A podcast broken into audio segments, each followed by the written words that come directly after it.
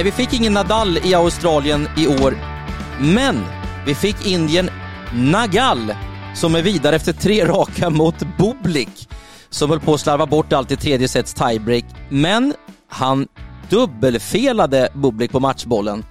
Han du kika något på den där matchen Fidde? Nej, ska jag vara riktigt ärlig så hann jag inte göra det. Men eh, det är inget som hetsar upp mig heller precis. Eh, Bublik eh, alltid handlar om vilken, vilken sida han vaknar på. Så att eh, eh ibland ett geni, ibland världens tråkigaste tennisspelare. Mm, lite så är det ju. Och sen har ju jag fått en hang-up här på Jan Lennart Struff. Eh, och det är, inte, det är ingen spelare som kanske intresserar så många, men nu råkar jag följa honom i Madrid här eh, förra året och tyckte ju han var som en eh, tungviktsboxare som slog på allt bra länge i den här finalen mot Alcaraz. Jag tycker bara det är så kul att se honom här i Australien. Och där har han inte haft så mycket framgångar Fidde tidigare. Hur kan du tycka att det är så roligt att se Jan Lennart stå? ja, men jag är väl lite konstig där. Ja, alla har vi ju våra sidor och våra favoritspelare. Eh, jag tycker det är så fantastiskt därför att för mig, det, det är en jättesnäll kille, men för mig liksom lämnar han huvudet i, i omklädningsrummet varje gång han går ut och spelar och det tror jag är bra för honom. För att eh, han vet inget annat, han tjussar, det spelar ingen roll om han vunnit en poäng eller förlorat den, så tjussar han mot tränaren. Eh, och sen kör han bara. Och vi var ju inne på honom i, i, i något avsnitt innan här liksom. Han är ju en otrolig tjockare egentligen. Nu, nu redde han ut eh, den här gången. Men det var ju också för att Hishikata spelade ju så dumt så klockorna stannade. Eh, Struff har ju, alltså har man gjort en research då vet man att, att Struffs backhand är ungefär en planet bättre än hans forehand. Och, och eh, då måste man spela på den när det drar ihop sig. Eh, tyckte jag han, han spelade taktiskt väldigt dåligt där faktiskt. Ja, jag tror han hade behövt en bättre coach där Fidde. Nej, det, det är inte det jag pratar om, utan... Eh... det var fel, fel matchplan kan man i alla fall säga, ganska tydligt. Du, eh, det här är en intressant tid i tennisen där många av de lite äldre är på väg ut. Eh, ovanligt många som är riktigt, riktigt gamla och som har det tufft just nu på touren. Samtidigt som runt de här Alcaraz och Sinner så dyker det upp några spännande namn du har faktiskt bett mig att ranka fem stycken och det är klart jag fick ett helsike med att ranka de här. Men jag har fått ihop en handfull som intresserar mig och som jag tycker om att titta på. Är, du beredd på att få de här namnen? Ska du ha dem ett och ett eller ska du ha alla fem? Nej, men alltså du får gärna dra dem, men jag vill ju också höra, det är ju så lätt att gå in på ranking och se hur gamla de är och var de ligger, men jag vill ju höra varför du har tagit ut dem. Jag, jag skulle vilja säga att jag såg ju... Art... Stamma inte nu, stamma inte nu, utan nu tar du de fem och så talar du om varför. Nej, men jag, jag, såg ju för lite av Artur Fiss förra säsongen, men jag var i kontakt med, med Örten, där, lite Örtegren, och frågade honom hur, hur hög potential han har. Och eh, jag skulle vilja kolla med dig där först, eh, Fidde. Han har ju gått längst av de här, hur bra han kan bli här och han är väl den som har kommit längst upp på rankingen av de här spelarna som inte är så kända som Alcaraz alltså och kompani. Ja, jag tyckte han, han eh, etablerade sig tidigt förra året. Alltså, det blev ju väldigt bra tidigt på året och, och sen bara växte det och växte och han blev ju en etablerad spelare. Jag tror han började på 250 någonting eh, i januari 2023 eh, och slutade 35 i världen. Det, det är ju otroligt genombrott. Eh, eh, så att, eh, ja, det, det är en bra spelare och sen, alltså han ligger 35 och frågan är ju liksom, det är långt kvar, det vet vi, men han har fysiken, han har spelet, han har egentligen allt för att bryta, göra det ännu bättre. Men eh, det är inte säkert att det blir en raket bara för det, men en fantastisk spelare som, som vann också första omgången i Australian Open här. Så kul att följa, väldigt kul att följa. Mm. Sen är det en ny bekantskap för mig, Jun Cheng Chang, som jag såg här i början på året för första gången. Och eh, blev lite förälskad i, i hans spelstil. Han har ju tagit sig vidare här från första rundan också. Eh, är det ett namn bland dina fem? Ja, han är med i kanske lite mer än fem, men, men det visar han ju i Hongkong hur bra tennisspelaren är. Och det härliga är när de följer upp det där eh, och sen går in i, de har ju ingen rutin i, i Grand Slam-turneringar, så går han och vinner eh, här idag. Det, det är ju superspännande spelare därför att om vi, om vi ska ta alla i en klump här, vi kan ta bort italienarna lite, för de är lite annorlunda. Men om vi ser de här spelarna som kommer fram nu mellan 18 och 2021, så ser man vilka fysiska monster de är. Och det är där man måste vara för att kunna, kanske inte göra bra ifrån sig en turnering, men att ligga kvar och gå därifrån och bli bara bättre och bättre, då måste man ha fysiken. Eh, och det har de spelarna. Kolla upp vilka ben en sån som Artur har. Eh, så att eh, den här kinesen du pratar om nu, oerhört intressant. Lever på snabba fötter, rör sig magiskt bra på banan. Och när du ändå är inne på starka ben, eh, Dino Prismic fick jag ju se i Stockholm Open en del. Och jag gillar tidigt hans attityd. Han är där ute för att tävla. Nu såg jag bara honom i två matcher där i Stockholm, men följde hela matchen här nu mot Djokovic, hade en del förväntningar. Jag vet att du gillar honom. Men där snackar vi en kille med enorm fysik, starka ben, som själv ser sin serv och sin forehand som de bästa slagen.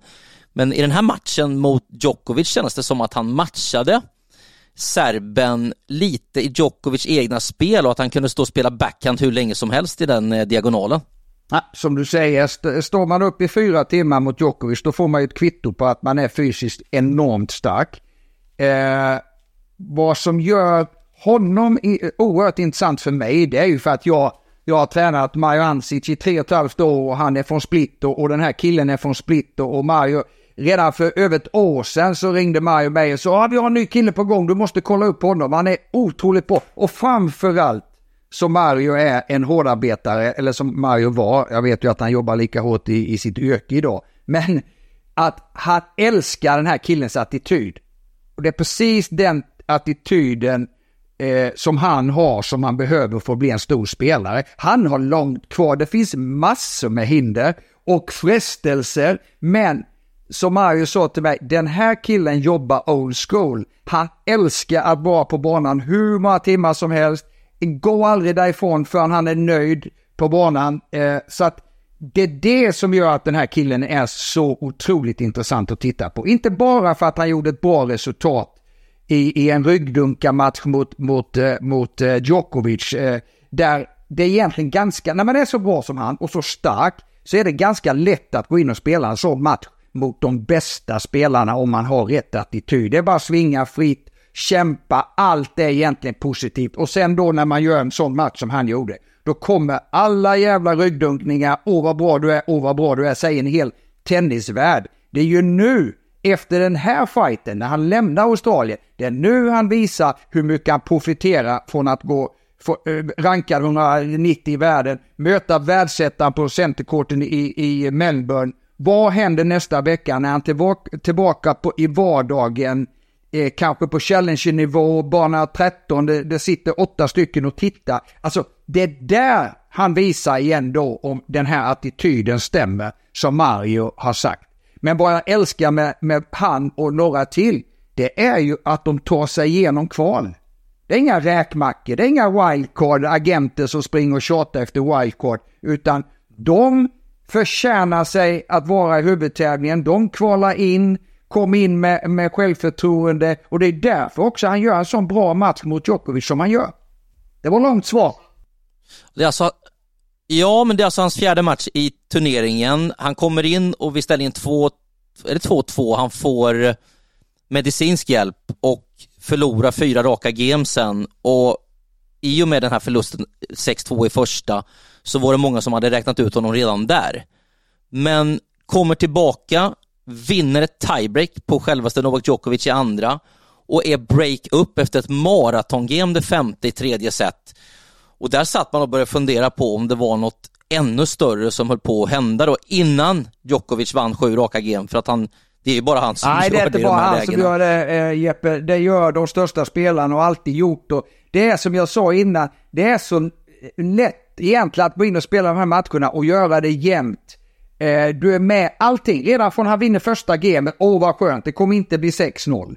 Och sen eh, slappnar han av ännu mer och spelar ännu bättre. Och så är han med i tiebreak, kanske lite på grund av att Djokovic, han tappade eh, Djokovic tappade andra set mot Cocaud i, i andra omgången förra året. Det var det enda sättet han förlorade i Australian Open. Så eh, det kan hända, men i slutändan, du är nära, men du är ändå otroligt långt ifrån. Och det ska de vara. Alltså han, han ska ju inte... Det, det, jag tror inte ens att det hade varit bra om han hade slagit Djokovic här, utan det här är perfekt. Han fick möta en världsetta.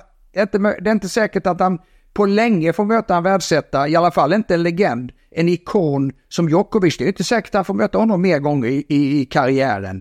Eh, det vet vi inte. Så att det tror 17 att efter två kval, tre kvalvinster, förlåt, han ser lottningen, Rod Laver Arena, världsettan, jag får gå in och spela där. Ha! Om man inte njuter av det, då vet jag inte. Jag såg ju entrén när de var på väg in här och eh, hur ynglingen Prismic höll på att gå fel när de skulle in på, på plan.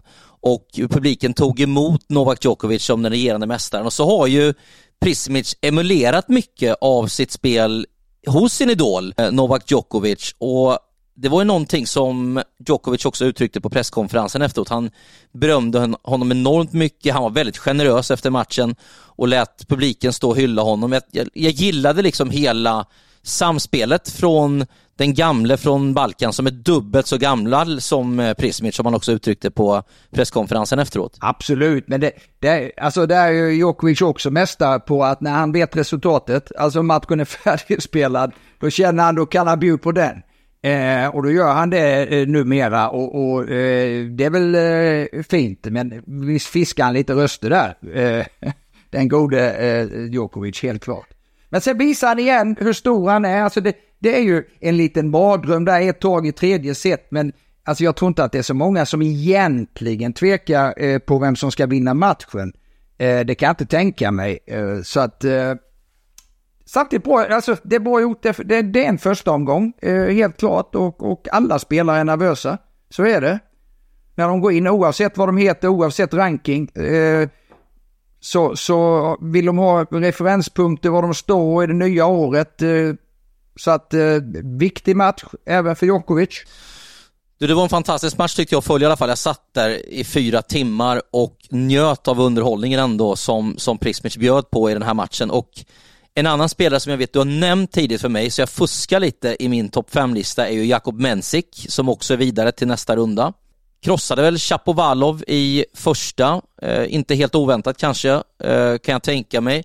Men jag gillar i alla fall hur han träffar bollen i de här matcherna jag har sett. Hur mjukt och hur enkelt det ser ut i de här matcherna som jag har sett med honom. Nej, men det är också, alltså Mensit eh, är ju typ Lehetska, alltså som kom fram förra året och gick långt, kanske stannade upp lite, men Mensit, den här, det är såna idrottskillar de här tjeckerna, det, det, är så mycket, det är så mycket tradition i ett sånt litet land igen, man har alltid fått fram eh, suveräna tennisspelare, suveräna idrottsmän, eh, så de har ju sina idoler att följa och jobbar ju alltid stenhårt, det är alltid atleter de där. Eh, traditionellt fantastiska backhandsidor, eh, lite mer shaky i forehand har ju alltid eh, öststaterna haft. Eh, men det här är ju en, en framtida superspelare säkert om han eh, liksom får vara frisk och, och spela sina kort väl. Var ju faktiskt framme i tredje omgången i, i US Open förra året och, och jag menar, det är också en jätteung spelare där framtiden ligger för hans fötter. Men det, det, ja. det är också mycket kvar. Det är det som gör det så härligt att få följa den här nya generationen som kommer nu. Vad vill de? Hur långt? Haka på tåget. De har en karriär, det är bara att ge järnet. Han ställs mot Hurkacz i nästa runda. Ja, jättetufft. Men eh, hade jag varit Hurkacz så, så hade jag nog varit rätt så spänd på den där. Ett namn kvar då. Fuskar jag om jag kastar fram Jack Draper? Han är 22 år. Det var ju många... Ja, det fuskar du. Ja, ja det fuskar det, du. Ja. Jag, jag, gör det jävligt lätt för mig, hörru. Men däremot, Jeppe, däremot är ju väldigt väl värd att nämna såklart. Eh, eh, Draper, Sepieri, Analdi, de här 22-åringarna som kanske inte alla känner till, men som är ruskigt bra tennisspelare och, och även där grymt eh, intressant att följa. Men du får, du får faktiskt ta någon som är, som är 18 till 21 nu när du ska ta eh, eh dina Men då har jag fan... Har du något namn då? Van Asch. Ja, okej, okay, fransmannen. Ja. Och, och, ska jag sitta och dominera och berätta om honom som spelare så får jag jävligt svårt. Jag har sett honom, men jag, jag kan inte identifiera hans styrkor. Ja, det är en liten, liten kille. Eh, ruskigt bra rörelse på banan, eh, precis som kinesen. Eh, alla, du kommer ingen vart om du inte rör dig superbra, om du inte har liksom världens serve och världens forehand kanske. Men de här killarna som kommer här nu, väldigt allround, väldigt fysiska som jag sa. Eh, Fanache är precis en sån kille. Rätt liten, lever på sina fötter, helt klart. Eh, jag hade nog inte haft med honom, även om, om han redan är ganska etablerad och, och, och bra, eh, så kanske jag hade haft med något, något namn som, som eh, man inte riktigt eh, hundra känner till. Så. Hur mycket har de tittat på en sån som Djokovic, nu nämner jag honom igen, när det gäller spel i ytterlägena? Eh, för det är någonting som eh, Djokovic har utvecklat tennismässigt. Man har inte sett det på samma sätt tidigare. Det där måste du förklara. Hur menar du med utvecklat? Sen när? Tycker du inte han har rört sig bra i 20 år? Jo, precis. Men jag tycker han har lyft liksom hela nivån på tennisen i hur man kan spela liksom tennis i sidled, hur långt ut han kommer i alla ytterlägen. Bollen är aldrig slut och han kan nästan stå och spela bollen bakom sin egen rygg. Och det har varit... Eh, tycker, du inte att, mycket... tycker du inte att Nadal och, och Federer kunde det? Eller kan? Jag, tyck, jag tycker han är bäst på det. Jag tycker han har tagit det ett steg till. Varför, varför tycker du det? Nu är jag tjurig du. Jag, ja, jag, min, min eh, take på det är att han eh, är så otroligt stark i, i, eh, i ben och bål och ytterlägen och i fötter och fotleder och att han har en smidighet, det har ju Federer också, men att han, han är nog där bäst nämnde du det, Jesper, där nämnde du det, var, var det ordet jag väntade på. Eh, smidigheten. Alltså, mm. han har hållit på och stretchat och jobbat med sin smidighet sedan han var liten, liten kille. Han började med det direkt. Alltså det finns ingen, du ska se honom i en, i en uppvärmningsarea på en tävling när han håller på och, och stretchar sin kropp. Eh, det närmsta man kommer där är faktiskt Dimitrov. Han är också otroligt smidig, eh, flexibel ut i ytterlägena och det är väl därför du tycker att Djokovic är den som har bäst kroppskontroll ute i ytterlägena i högt tempo. Man har sett bilder när han ligger i spagat med en hand i, i, i golvet och, och räddar kvar bollen i banan och fortsätter poängen. Och jag håller med dig till hundra där. Eh, och det är just hans flexibilitet och man tror knappt det är sant när man tittar på när han värmer upp. Du vet, jag hade en personlig tränare här för några år sedan, jag skulle behöva honom tillbaka. han, var ju från han var från Balkan och han tjatar jämt om hur man tränade med fotlederna i ytterlägen och sådär för att bli stark där och för att undvika skador framförallt. Och då spelade jag väldigt mycket paddel de här åren och hade problem just med hälsenor, fotleder och sådär och ibland kunde jag liksom skada mig lite i onödan, tränade enormt mycket, inte Djokovic mycket men för att vara amatör då.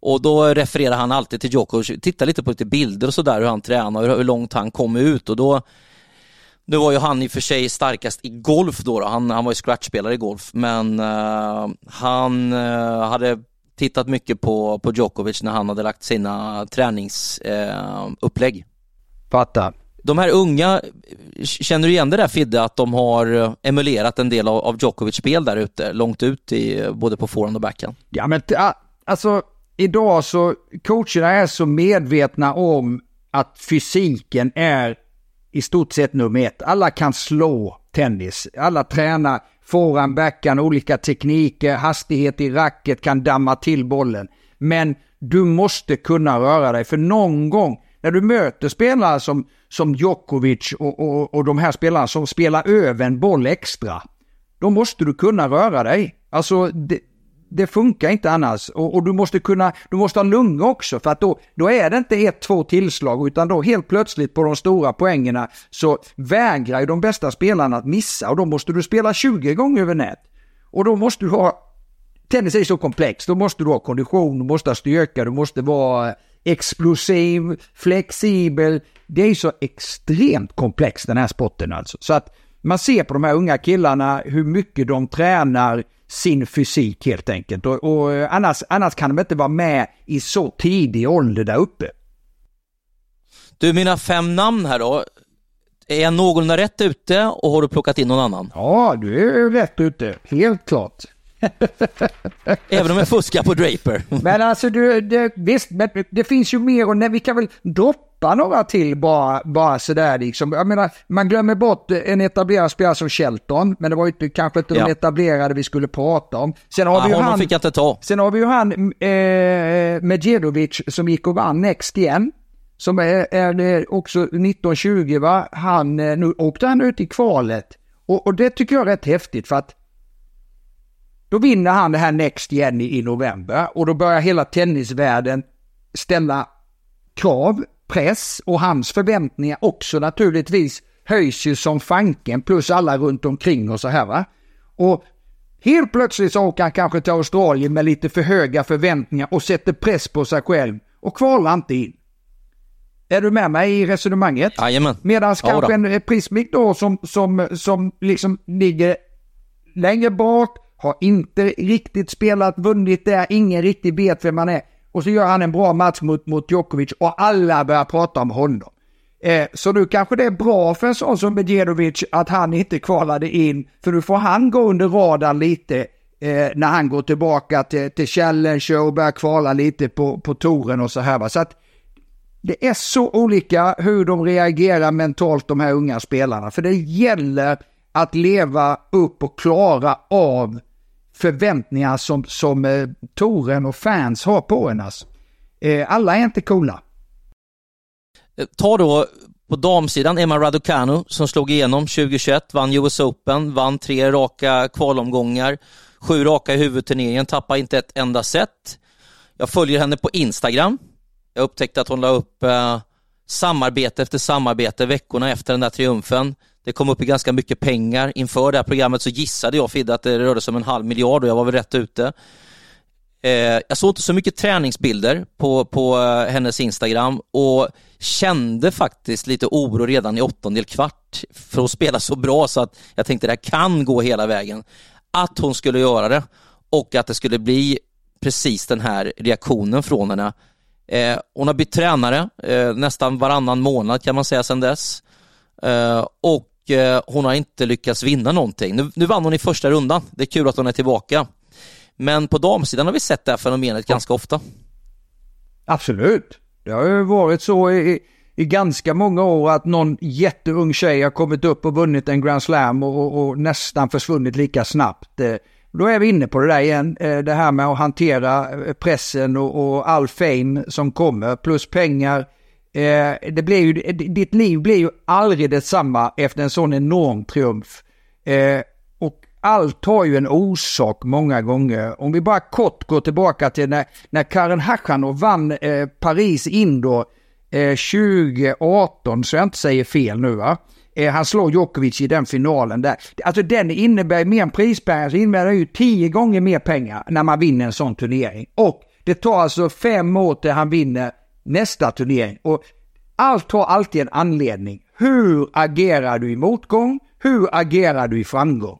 Och det måste man kunna ta. Och då tillbaka till damsidan då. Vi har sett det här så många gånger nu. Jag har liksom Anna Ivanovic framför mig, Emma som du nämnde. Det här där de vin, vinner en Grand Slam och sen bara några veckor senare absolut inte palla trycket mer. Eh, fruktansvärt. Man ser istället för att vara världens lyckligaste människa så är de världens olyckligaste människa på bara några veckor därför att de pallar inte pressen.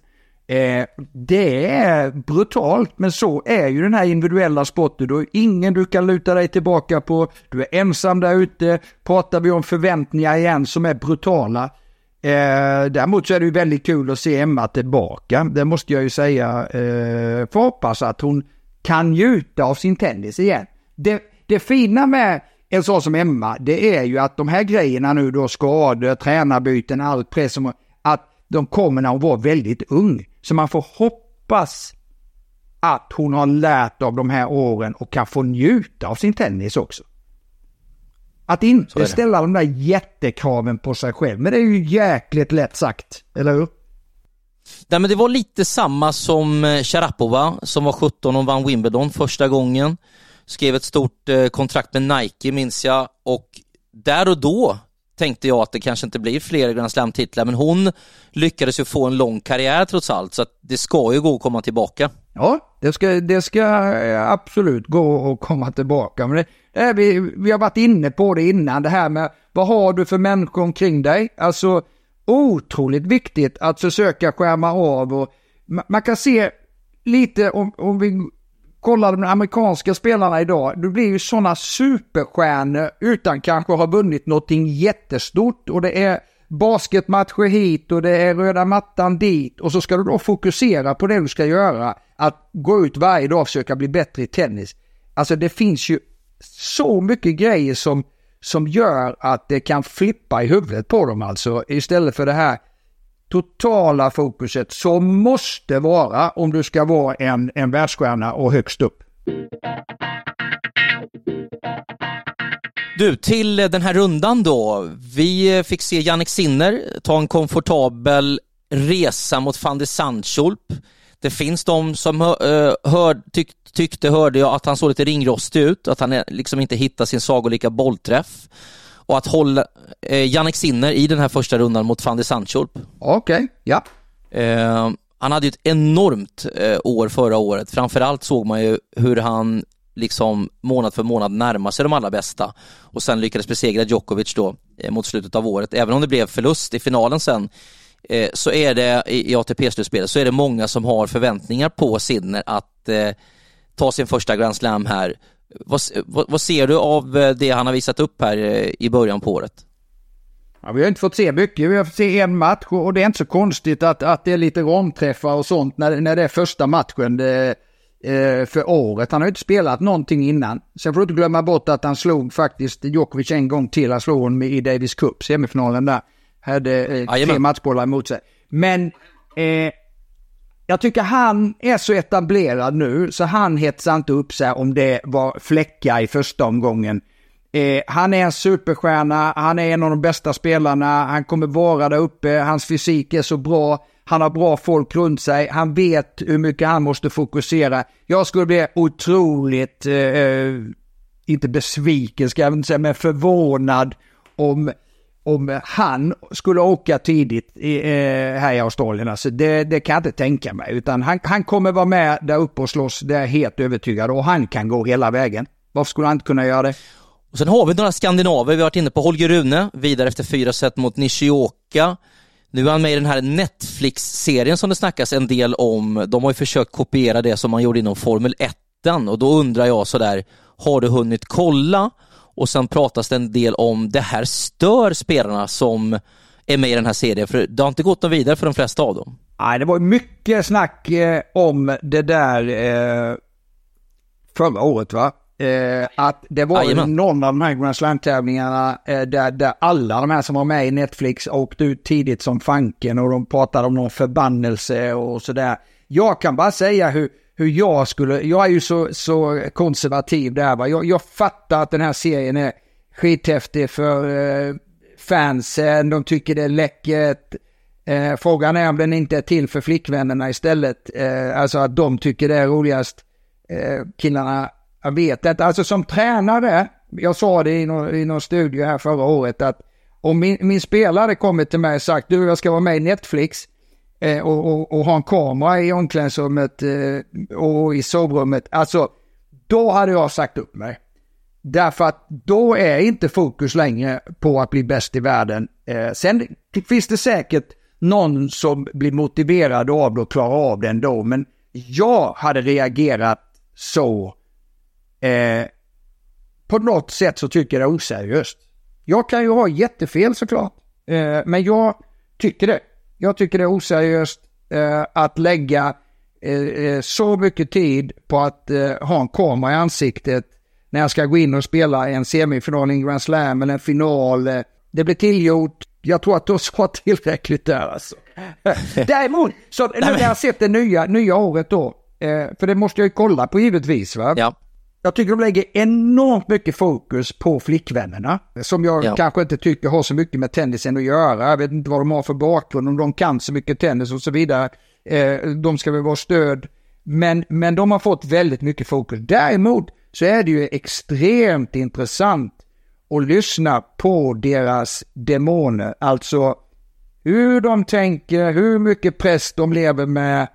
Eh, och där kan jag bli förvånad många gånger när jag lyssnar på dem. Eh, hur, vilket fokus de har på grejer som jag tycker att det där är ju inte viktigt.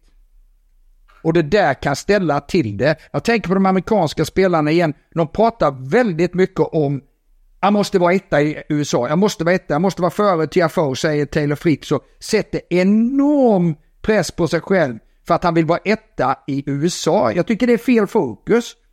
Eh, hur fan ska jag bli bättre i tennis och jag kommer vara etta i USA men helst etta i världen? Alltså om han fokuserar på att bli så bra som möjligt så kanske han klättrar på rankingen och då ökar ju chanserna att han är den bästa amerikanen. Så jag tycker deras fokus ibland, att ingen säger till dem när de, när de liksom börjar flumma ut med, med eh, deras mål. Konstigt, tycker jag. Alltså det där är någonting man känner igen från flera generationer. Eh, hatet mellan Connors McEnroe och rivaliteten mellan Sampras Agassi på 90-talet. Det kanske är någonting som sitter i inom tennisen? Ja, samtidigt som jag egentligen tror att det, det triggar dem också till att jobba hårt. Den, den generationen amerikaner, och när de kom fram, då var jag ju på touren och jag tyckte de var slöa så in i vassen. Alltså Fritz, eh, Tiafoe, eh, Paul, de här coola killar, Tutti. Men där har de ändrat sig väldigt mycket alltså. Eh, jag tror att de vill vara bäst så att det är klart att de, de tränar hårt för det och jag tror att de också gör varandra bättre. Det är ju inte för inte som fyra spelare ligger mellan, jag tror till och med de ligger mellan 12 och 17 nu, de fyra amerikanerna med, med Shelton då. Va? Det, är ju, det är ju oerhört bra, men det är ingen topp 10 just nu och det är ingen som vinner slam. Så att eh, det är väl det de, de är ute efter och det är väl frågan vad de måste göra. Eh, jag tror att det handlar väldigt mycket om, om just en, en fokusering och med vilka mål du tar dig an morgondagen. Men någonting måste ha hänt med Tommy Paul då, för han är ju jävligt bra tränad numera. Ja, men de är alla, alltså de är, de är mycket, mycket bättre tränade idag och, och därför kan du träna med dem. Jag kommer ihåg, herregud, jag har varit med, med TFO på banan hur många gånger som helst och Taylor Fritz och de här, gick inte träna med dem. Det var alltså 17 fåran på läktaren och, och helt och bara tjabbade, liksom jätteslöa med fysiken kommer ju att de håller sig kvar i bollväxlingen och det blir längre bollväxlingar, tuffare träningar. Nu för tiden ser det ut som att de bryr sig innan. De brydde sig inte om en forehand satt fyra meter brett. De slog allt vad de åkade och tränaren sa ingenting. Och det var väldigt dåliga träningar med amerikanerna eh, innan men eh, den senare tiden mycket, mycket bättre. Mer seriösa amerikaner, helt klart. Vi var inne på skandinaverna lite, förutom eh, Rune eh, så har vi Rosovori som också är vidare och möter Medvedev här i, i nästa omgång. Eh, och lite, jag ska inte säga att man blir avundsjuk för alla förtjänar ju att vara där, men vi har, vi har en bra norrman, norrman en bra dansk, en bra, bra eh, finne och eh, tyvärr har vi ingen svensk. Eh, så det gör lite ont i hjärtat, men eh, samtidigt otroligt kul att se Emil eh, lugn kille, tyst, gör inte mycket väsen av sig, men jäkla som han spelar tennis och, och älskar ju hans ytterläge. Kanske lite för statisk. Eh, lära sig lite mer variation i sitt spel, men, men eh, det handlar ju om vad han och hans coach eh, jobbar med. Men han har börjat året helt okej, okay. slog ju Karren i, i Hongkong. Ja, nu är han finländare, men han får vara med i vår skandinaviska familj tycker jag ändå, eh, finländaren Rosengård. Ja, Norden, förlåt, förlåt, förlåt. Så är förlåt. det, det var jag som sa Skandinavien. Eh, har vi gett Kasper Rud lite för lite cred tycker du? Det, han nämns så sällan. Han har ju sina Grand Slam-finaler, krossade Ramos Vinolas här i, i första omgången. Eh, beskrivs ju ofta lite som för begränsad för att vinna en Grand Slam. Nej, jag tror inte egentligen han är begränsad, men det är det där också, mål. Vad, vad, vad vill du ha ut av din karriär liksom? Eh, man får inte glömma bort att Kasper Rud 2022 hade ett fantastiskt år. Han spelar om att vara, vara etta på världsrankingen faktiskt. Ja. I och med final i US Open mot, mot Alcaraz som han fick stryk. Eh, sen har han ju inte, han har inte vunnit någonting mer än 250. Och det ligger honom lite i fatet och det frågar ju jag mig då och vi diskuterade varför han inte gjort det. Och för mig är det att han är lite för snäll, lite för välkammad. Eh, det ser ut som när han har gått fram de här stora finalerna som han har förlorat, att när han går fram och tackar, att han är rätt nöjd. Jag vet inte om det är så. Han kanske knäcker tre racketar i omklädningsrummet även om det skulle förvåna mig om han gjorde det för det är en otroligt snäll kille. Eh, men kanske lite nöjd. Eh, krävs mer för mig eh, om han vill vinna de stora tävlingarna. Krävs mer. Och då pratar jag om attityd Jeppe. Jag pratar om det här att, att du blir, kanske sitter och är fullständigt knäckt när du, när du har förlorat. Och inte bara låta det rinna av där och utan analysera vad behöver jag göra för jag vill fan lämna min, äh, tenniskarriär med att ha vunnit en Grand Slam. Alltså. Eller åtminstone en tusen eller en 500. Ett steg i taget kanske. Ändå imponerad över hur eh, bra han har gjort det 2022. Var outstanding såklart, det är svårt att, att, att, kopiera den bedriften han gjorde det året. Men hur han har hängt med, han är ändå 11 i världen och... Eh, ja, ja, ja, ja, ja. Men, men Jeppe, om du har varit där uppe, ja. Du har varit tvåa i världen, du har spelat Grand Slam-finaler, tusen-finaler, äh, då vill du väl Jajamän. ännu mer? Jodå. Eller? Så även om, ha, alla drömmer väl om att vara 11 i världen. Det, det är ju fantastiskt att vara 11 i världen. Men hans mått mätt skulle jag vara riktigt besviken på 2023. Tänka igenom vad 17 måste jag göra. Samtidigt så är det ju fantastiskt av honom och, och efter den våren där alla undrar vad händer, han går till final i, i ändå i, i Roland Garros igen va. Så att det är otroligt bra gjort, men visst måste det vara ett besviket 2023 för honom. Det skulle vara det, det, det, absolut. Vi får hoppas att han är revanschsugen, den gode Rud, den här säsongen. Ja, det, det, vi vill ju inget annat än att eh, både han, Rune och, och Emil Russevård ska vara med och slåss i de stora turneringarna. Självklart vill vi det. Hur kul som helst. Jag vill gå till eh, Saf match mot Griksborg. han hade ju faktiskt läge att bryta i, i skiljeset. Griksborg vände där eh, och vann. Safiolin hade 2-0 i set. Jag såg ju för övrigt Griksborg mot Djokovic i åttondelen i Paris i höstas. Jag tror han hängde med till 5-5 i skilje när Nåle började bråka med publiken och sen vann åtta raka bollar och där vek han ner sig men här fick han med sig de sista gemen här mot eh, Safiolin i, i eh, första omgången. Eh, men han låg illa till i de två första seten. Alltså jag sprang ju med flaggan innan och tycker att Safiolin är en otroligt bra tennisspelare det, det visade han ju i nästan tre set. Alltså han vann de två första ganska enkelt sen tre. Men han möter sida spelare så det är, det är liksom ingen jättesensation att, att Grigsbo vinner den. Men det är två spelare också som, som är, kul att följa. Jag håller ju Safiolin väldigt högt så att eh, det, det blir spännande år.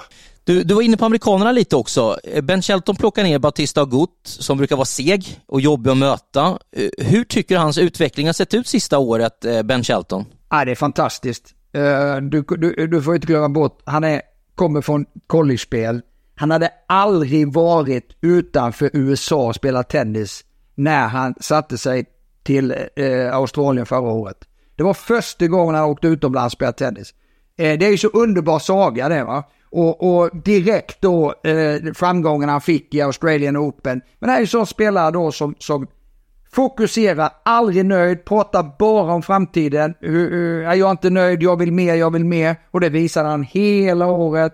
Vinner Tokyo, gör bra ifrån sig i US Open. Alltså bara bättre och bättre och bättre. Det är så imponerande även om, om RBA inte är i närheten av vad han har varit så, så är det så imponerande av Shelton att vinna i tre. Eh, för det är liksom, han vill ju uppleva det där han gjorde förra året i Australien igen, så det är, det är med lite andra förväntningar han kommer hit givetvis. Men det, det där är en spelare som, som är där för att stanna just på grund av hans attityd. Helt klart. Och han är ju en stor publikmagnet tidigt i karriären märker man också. Ja, det är möjligt. Jag ser det inte eh, eh så på det viset överhuvudtaget, utan jag, jag, eh, jag tittar ju på hans spel, hans fysik, hur han agerar i tuffa lägen, hur han agerar i ledning, hur han agerar när han ligger under, bikar han ner sig eller kämpar han för att vinna ändå och försöka hitta ett sätt. Det här med att, som vi har pratat om, det är lätt med den serven om allt flyter på. Men när det blir grus i maskineriet, har han andra verktyg då för att hitta ett sätt att vinna tennismatcher? Det är ju det man tittar på, det tycker jag han har och det blir bara bättre och bättre att liksom, han utvecklar sin defensiv och det är jätteviktigt för en sån spelare att göra det. För TFOs del, han låg under med 0-1 i set mot Choric, men vann tiebreak i andra och seglade sen in i andra rundan. Jag tänker också på Taro Daniel, eh, var finalist i Auckland i helgen, eh, blev sen krossad av Eubanks. Är det lite risky att spela så tätt in på eh, en Grand Slam som han gjorde här? Nej, nej ja, det är en bra fråga. För, för namnen tycker jag inte är så intressant att prata om. Men, men det är en bra fråga och det, det beror alldeles på vad du är på ranken, vad du är i din karriär, vad du behöver göra. De bästa spelarna, de kanske, alltså som är hela och fått sina matcher, de kanske tar ledigt veckan innan en slam och tränar istället, men kanske har spelat två veckor innan för att se lite när, när säsongen börjar, var står jag, får lite matcher, sen tränar jag sista veckan och sen är det en Grand Slam. Medans det är alltid en avvägning. Ska du spela, gör du bra ifrån dig. Jag har mycket erfarenhet av att mina spelare har gjort bra ifrån sig veckan innan Grand Slam, vunnit tävlingar, Auckland, kommit till Grand Slam med ett super och gjort bra ifrån sig i Grand Slam. Så att man får aldrig underskatta betydelsen av att spela veckan innan om det går bra. Sen har vi sett precis tvärt emot. När Thomas Johansson vann Sveriges senaste Grand Slam i singel, då hade han två första omgångar i, i de två veckorna innan Grand Slam. Helt värdelöst. Ut tankar, så, alltså, var så dålig. Åker till Melbourne med noll förväntningar och vinner en Grand Slam. Alltså den sagan är ju, är ju magisk. Eh, den kanske man inte eh, kan rekommendera, men men för självförtroende är så, är så galet viktigt. Och den kan man bygga av att spela turneringar veckan innan. Ja, och där har du rätt för Lehetska. Han vann ju Adelaide och såg riktigt bra ut i den där turneringen och orka med och slå Zapata direkt i tre ja. raka. Jag gillar ju, jag, alltså, det är kul att ta upp Lehetska igen här för att han, alltså den atleten man såg förra året i Melbourne tänkte, ah, han, han kommer få ett sanslöst år. Och visserligen hade han det på, på många sätt, men jag hade ändå förväntat mig mer av honom, för jag tyckte han var så uh, komplett. Lite shaky forehand, viktiga bollar så, men hans, hans, hur han rörde sig, hur stark han var fysiskt, tänkte jag, han, alltså den där killen, han kommer vara hög. Men sen, han kanske satt lite för hög, eh, stor press på sig själv eh, eh, under året många gånger, att, att det bara skulle flyta på. Fick stryk matcher som jag inte trodde han skulle få stryk. Och det, det kan ju vara jättenyttigt för, för framtiden för en sån spelare. Nu är han tillbaka, han lärt sig, nu kanske han etablerar sig i år här. Jag tror mycket på honom. Det gör jag också. Och som du säger, han är så stark, han rör sig så oerhört bra. Alltså, det var yes. det jävligt jobbigt att slå bort honom.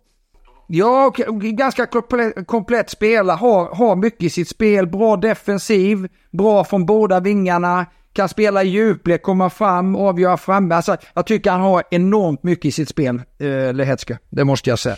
En spelare som eh, de flesta älskar, Rublev, eh, fick gå fem set och avgörande tiebreak mot Seiboth Wild, eller Wult som någon säger. Wilch. Wilch. Eh, Seiboth Wilch. Eh, men han överlevde den där matchen, precis som mot eh, Holger Rune i fjol. Förr förlorade han ofta de här matcherna och han var ju på väg mot förlust i den här matchen också och hade fått de där tankarna i slutet, men berättade sen efter matchen att det var först då han kunde slappna av och spela som vanligt igen och vinna den här matchen. Alltså, du är ju inte med där uppe år ut och år in som, som Rubble faktiskt har varit nu om du inte har lärt dig det där att, att det kan inte alltid vara världsklass. Det kan inte alltid kännas bäst. Utan vad det går ut på, det, det vet vi om, det är inga nyheter. Eh, liksom det, det gäller att spela rätt. Inte spela bra, utan spela rätt. Och ibland måste man gräva otroligt djupt för att ta sig igenom en sån match. Och sen kan det öppnas upp. Alltså, Rublev är ju så bra så att tar man sig igenom en sån i fem set, blir testat till fullo, sen kan det bli hur lätt som helst några runder. och då har han sparat på fysiken och då blir han livsfarlig. Om man går fram till en åttondel kvart då är han med. Sen om han har det i sig att vinna en slam, det tror jag inte att han har. Det är lite för mycket känslor på banan. Men eh, otroligt etablerad topp 10-spelare som, som vet vad som krävs för att vara där uppe. Du, vi börjar närma oss slutet. Jag tänkte bara fråga dig Fidde, det kan vara dags att säga gör till några av de gamla här. Eh, Raonic fick eh, ge upp mot Deminor. Eh, Andy Murray eh, förlorade stort. Eh, Wawrinka föll i fem set mot Manarino. Silic tog ett set mot Marochan. Men först vill jag bara kolla med dig när det gäller Deminor. Är han en utmanare att gå hela vägen redan nu? Är det ens seriöst att tro på det i Australien? inte, inte för mig är det inte det. det. Det är bara, för mig är det bara Nej. fyra spelare som kan vinna. Men, men, eh, men eh, han är ju, han har ju spelat, alltså det är carry high på honom. Eh, klart att det motiverar att vara topp 10 i världen. Du är på hemmaplan, han kommer ju sälja sig hur dyrt som helst, det är ju självklart. Men eh, jag tror inte han har de vapnen i sig riktigt för att kunna vinna en Grand Slam. Än, kanske händer, för han utvecklas fortfarande och det är häftigt eh, med Deminor.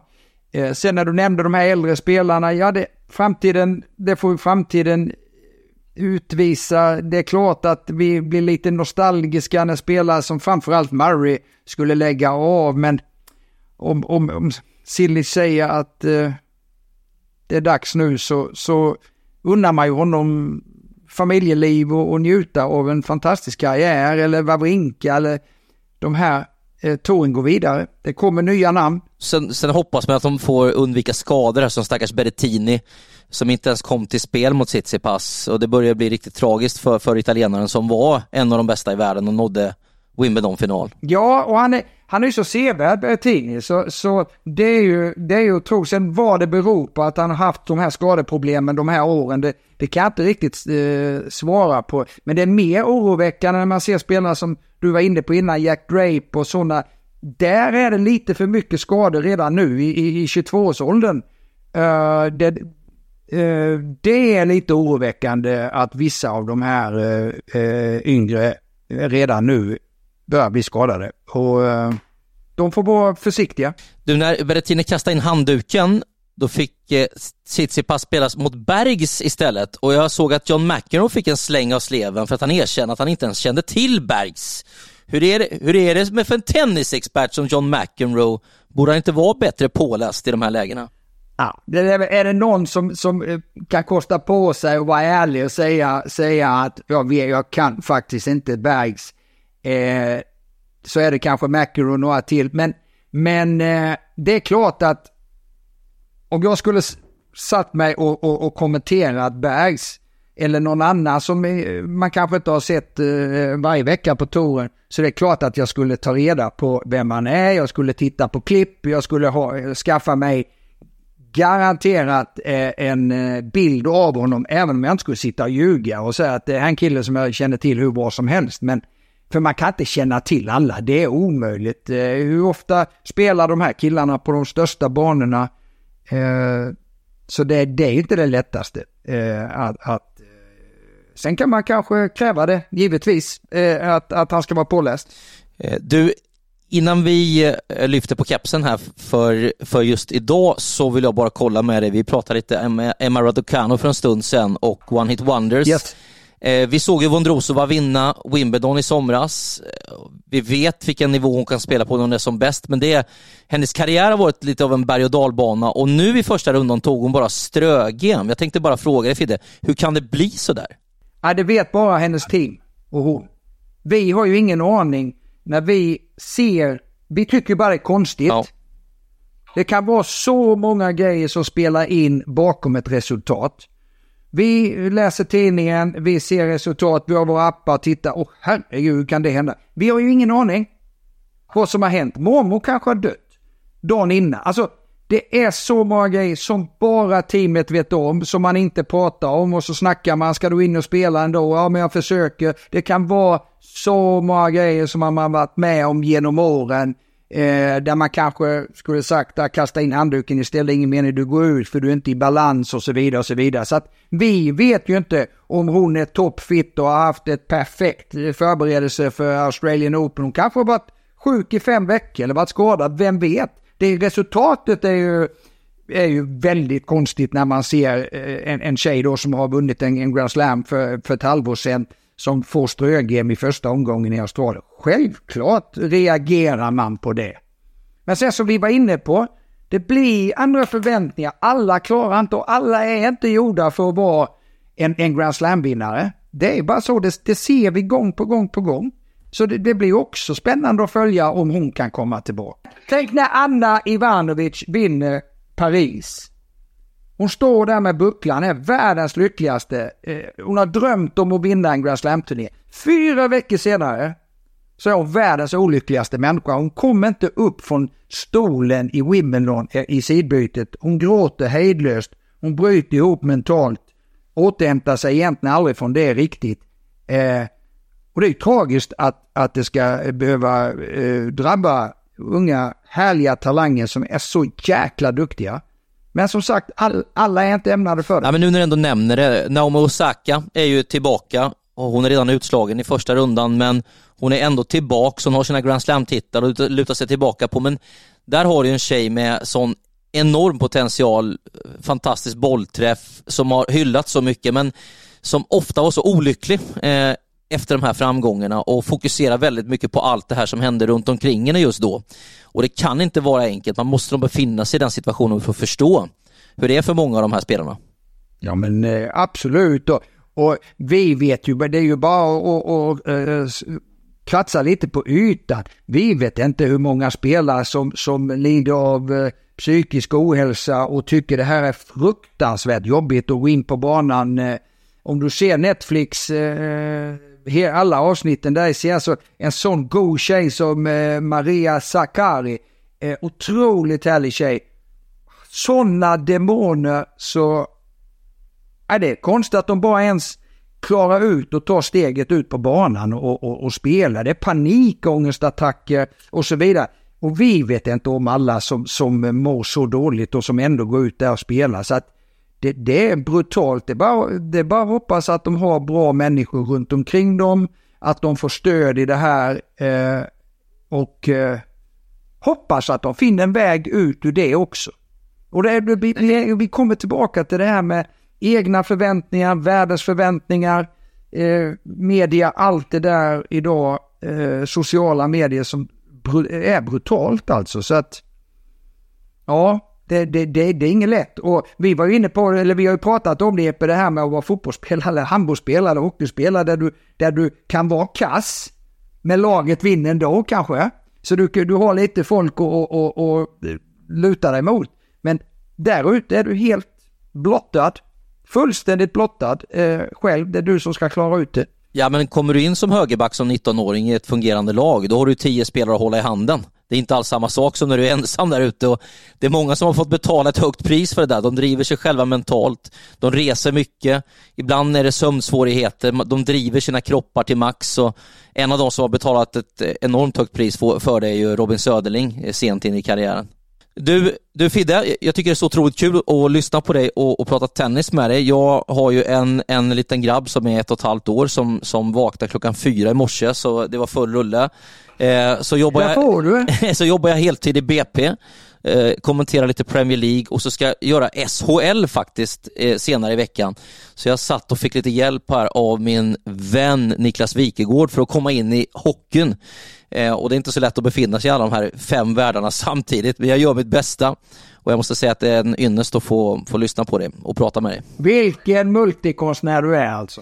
Jag jobbar på att bli bättre, men det var otroligt, otroligt nervöst att, att sitta och förbereda de här eh, fem unga spelarna och sen mäta mig med dina fem. Men, men du, du har, jag har en fråga nu när du var inne på sonen Lukas och du, du säger ju att du är en sån matlagare. Mm. Eh, är, du, är, du, är det viktigt för dig även vad han äter? Alltså, har du börjat redan liksom göra bra mat till honom? För min fru är det otroligt viktigt att han får en, en kost som är varierad. Eh, när pappa är hemma... Som lagas? Ja, som lagas. Det är lagad mat. Ja, men hon är noga med det. Jag är mest noga med familjen, att det blir lagad mat. Eh, Att, att, det, att det finns någonting. Ofta har jag liksom lagat mat så att det finns till matlåda ifall hon skulle ta med sig. Tidigare hade, hade jag hennes eh, bror från Ryssland boende här eh, hos oss. Så han hade också matlåda med sig och sen är det alltid middag, liksom lagad middag varje kväll. Men när det gäller Lukas så kan jag faktiskt fuska lite ibland och jag vet ju att eh, jag kommer undan med korv, eh, eh vindruvor, makaronerna går väl ner, ärt, ärt, ärtor, pannkakor, ja men lite sådana här grejer. Så där kan jag nog fuska lite ibland. Men jag ska bli bättre. På sätt och vis är jag vassare än frugan där också, för jag ger honom sällan ett kex. Eh, Det, han hittar de här kexen själv, så att han har fått några efter det, men där är jag rätt restriktiv alltså. Jag är glad att du säger kex och inte kex. Ja, men den är väl klar, det är bara på västkusten, de har missuppfattat det där. Det är i Skåne kanske också. Härligt att hålla med Fidde och eh, ska bli Gott. enormt kul att följa de här matcherna som kommer här nu. Jag ska ge mig så mycket tid Ja, det bara går här eh, för att titta på det som kommer. Hoppas alla andra har haft trevligt också och att vi hörs snart igen. Absolut. Gott. Ta hand om dig Fidde. Detsamma. Ha det bra. Tja. Hej, hej.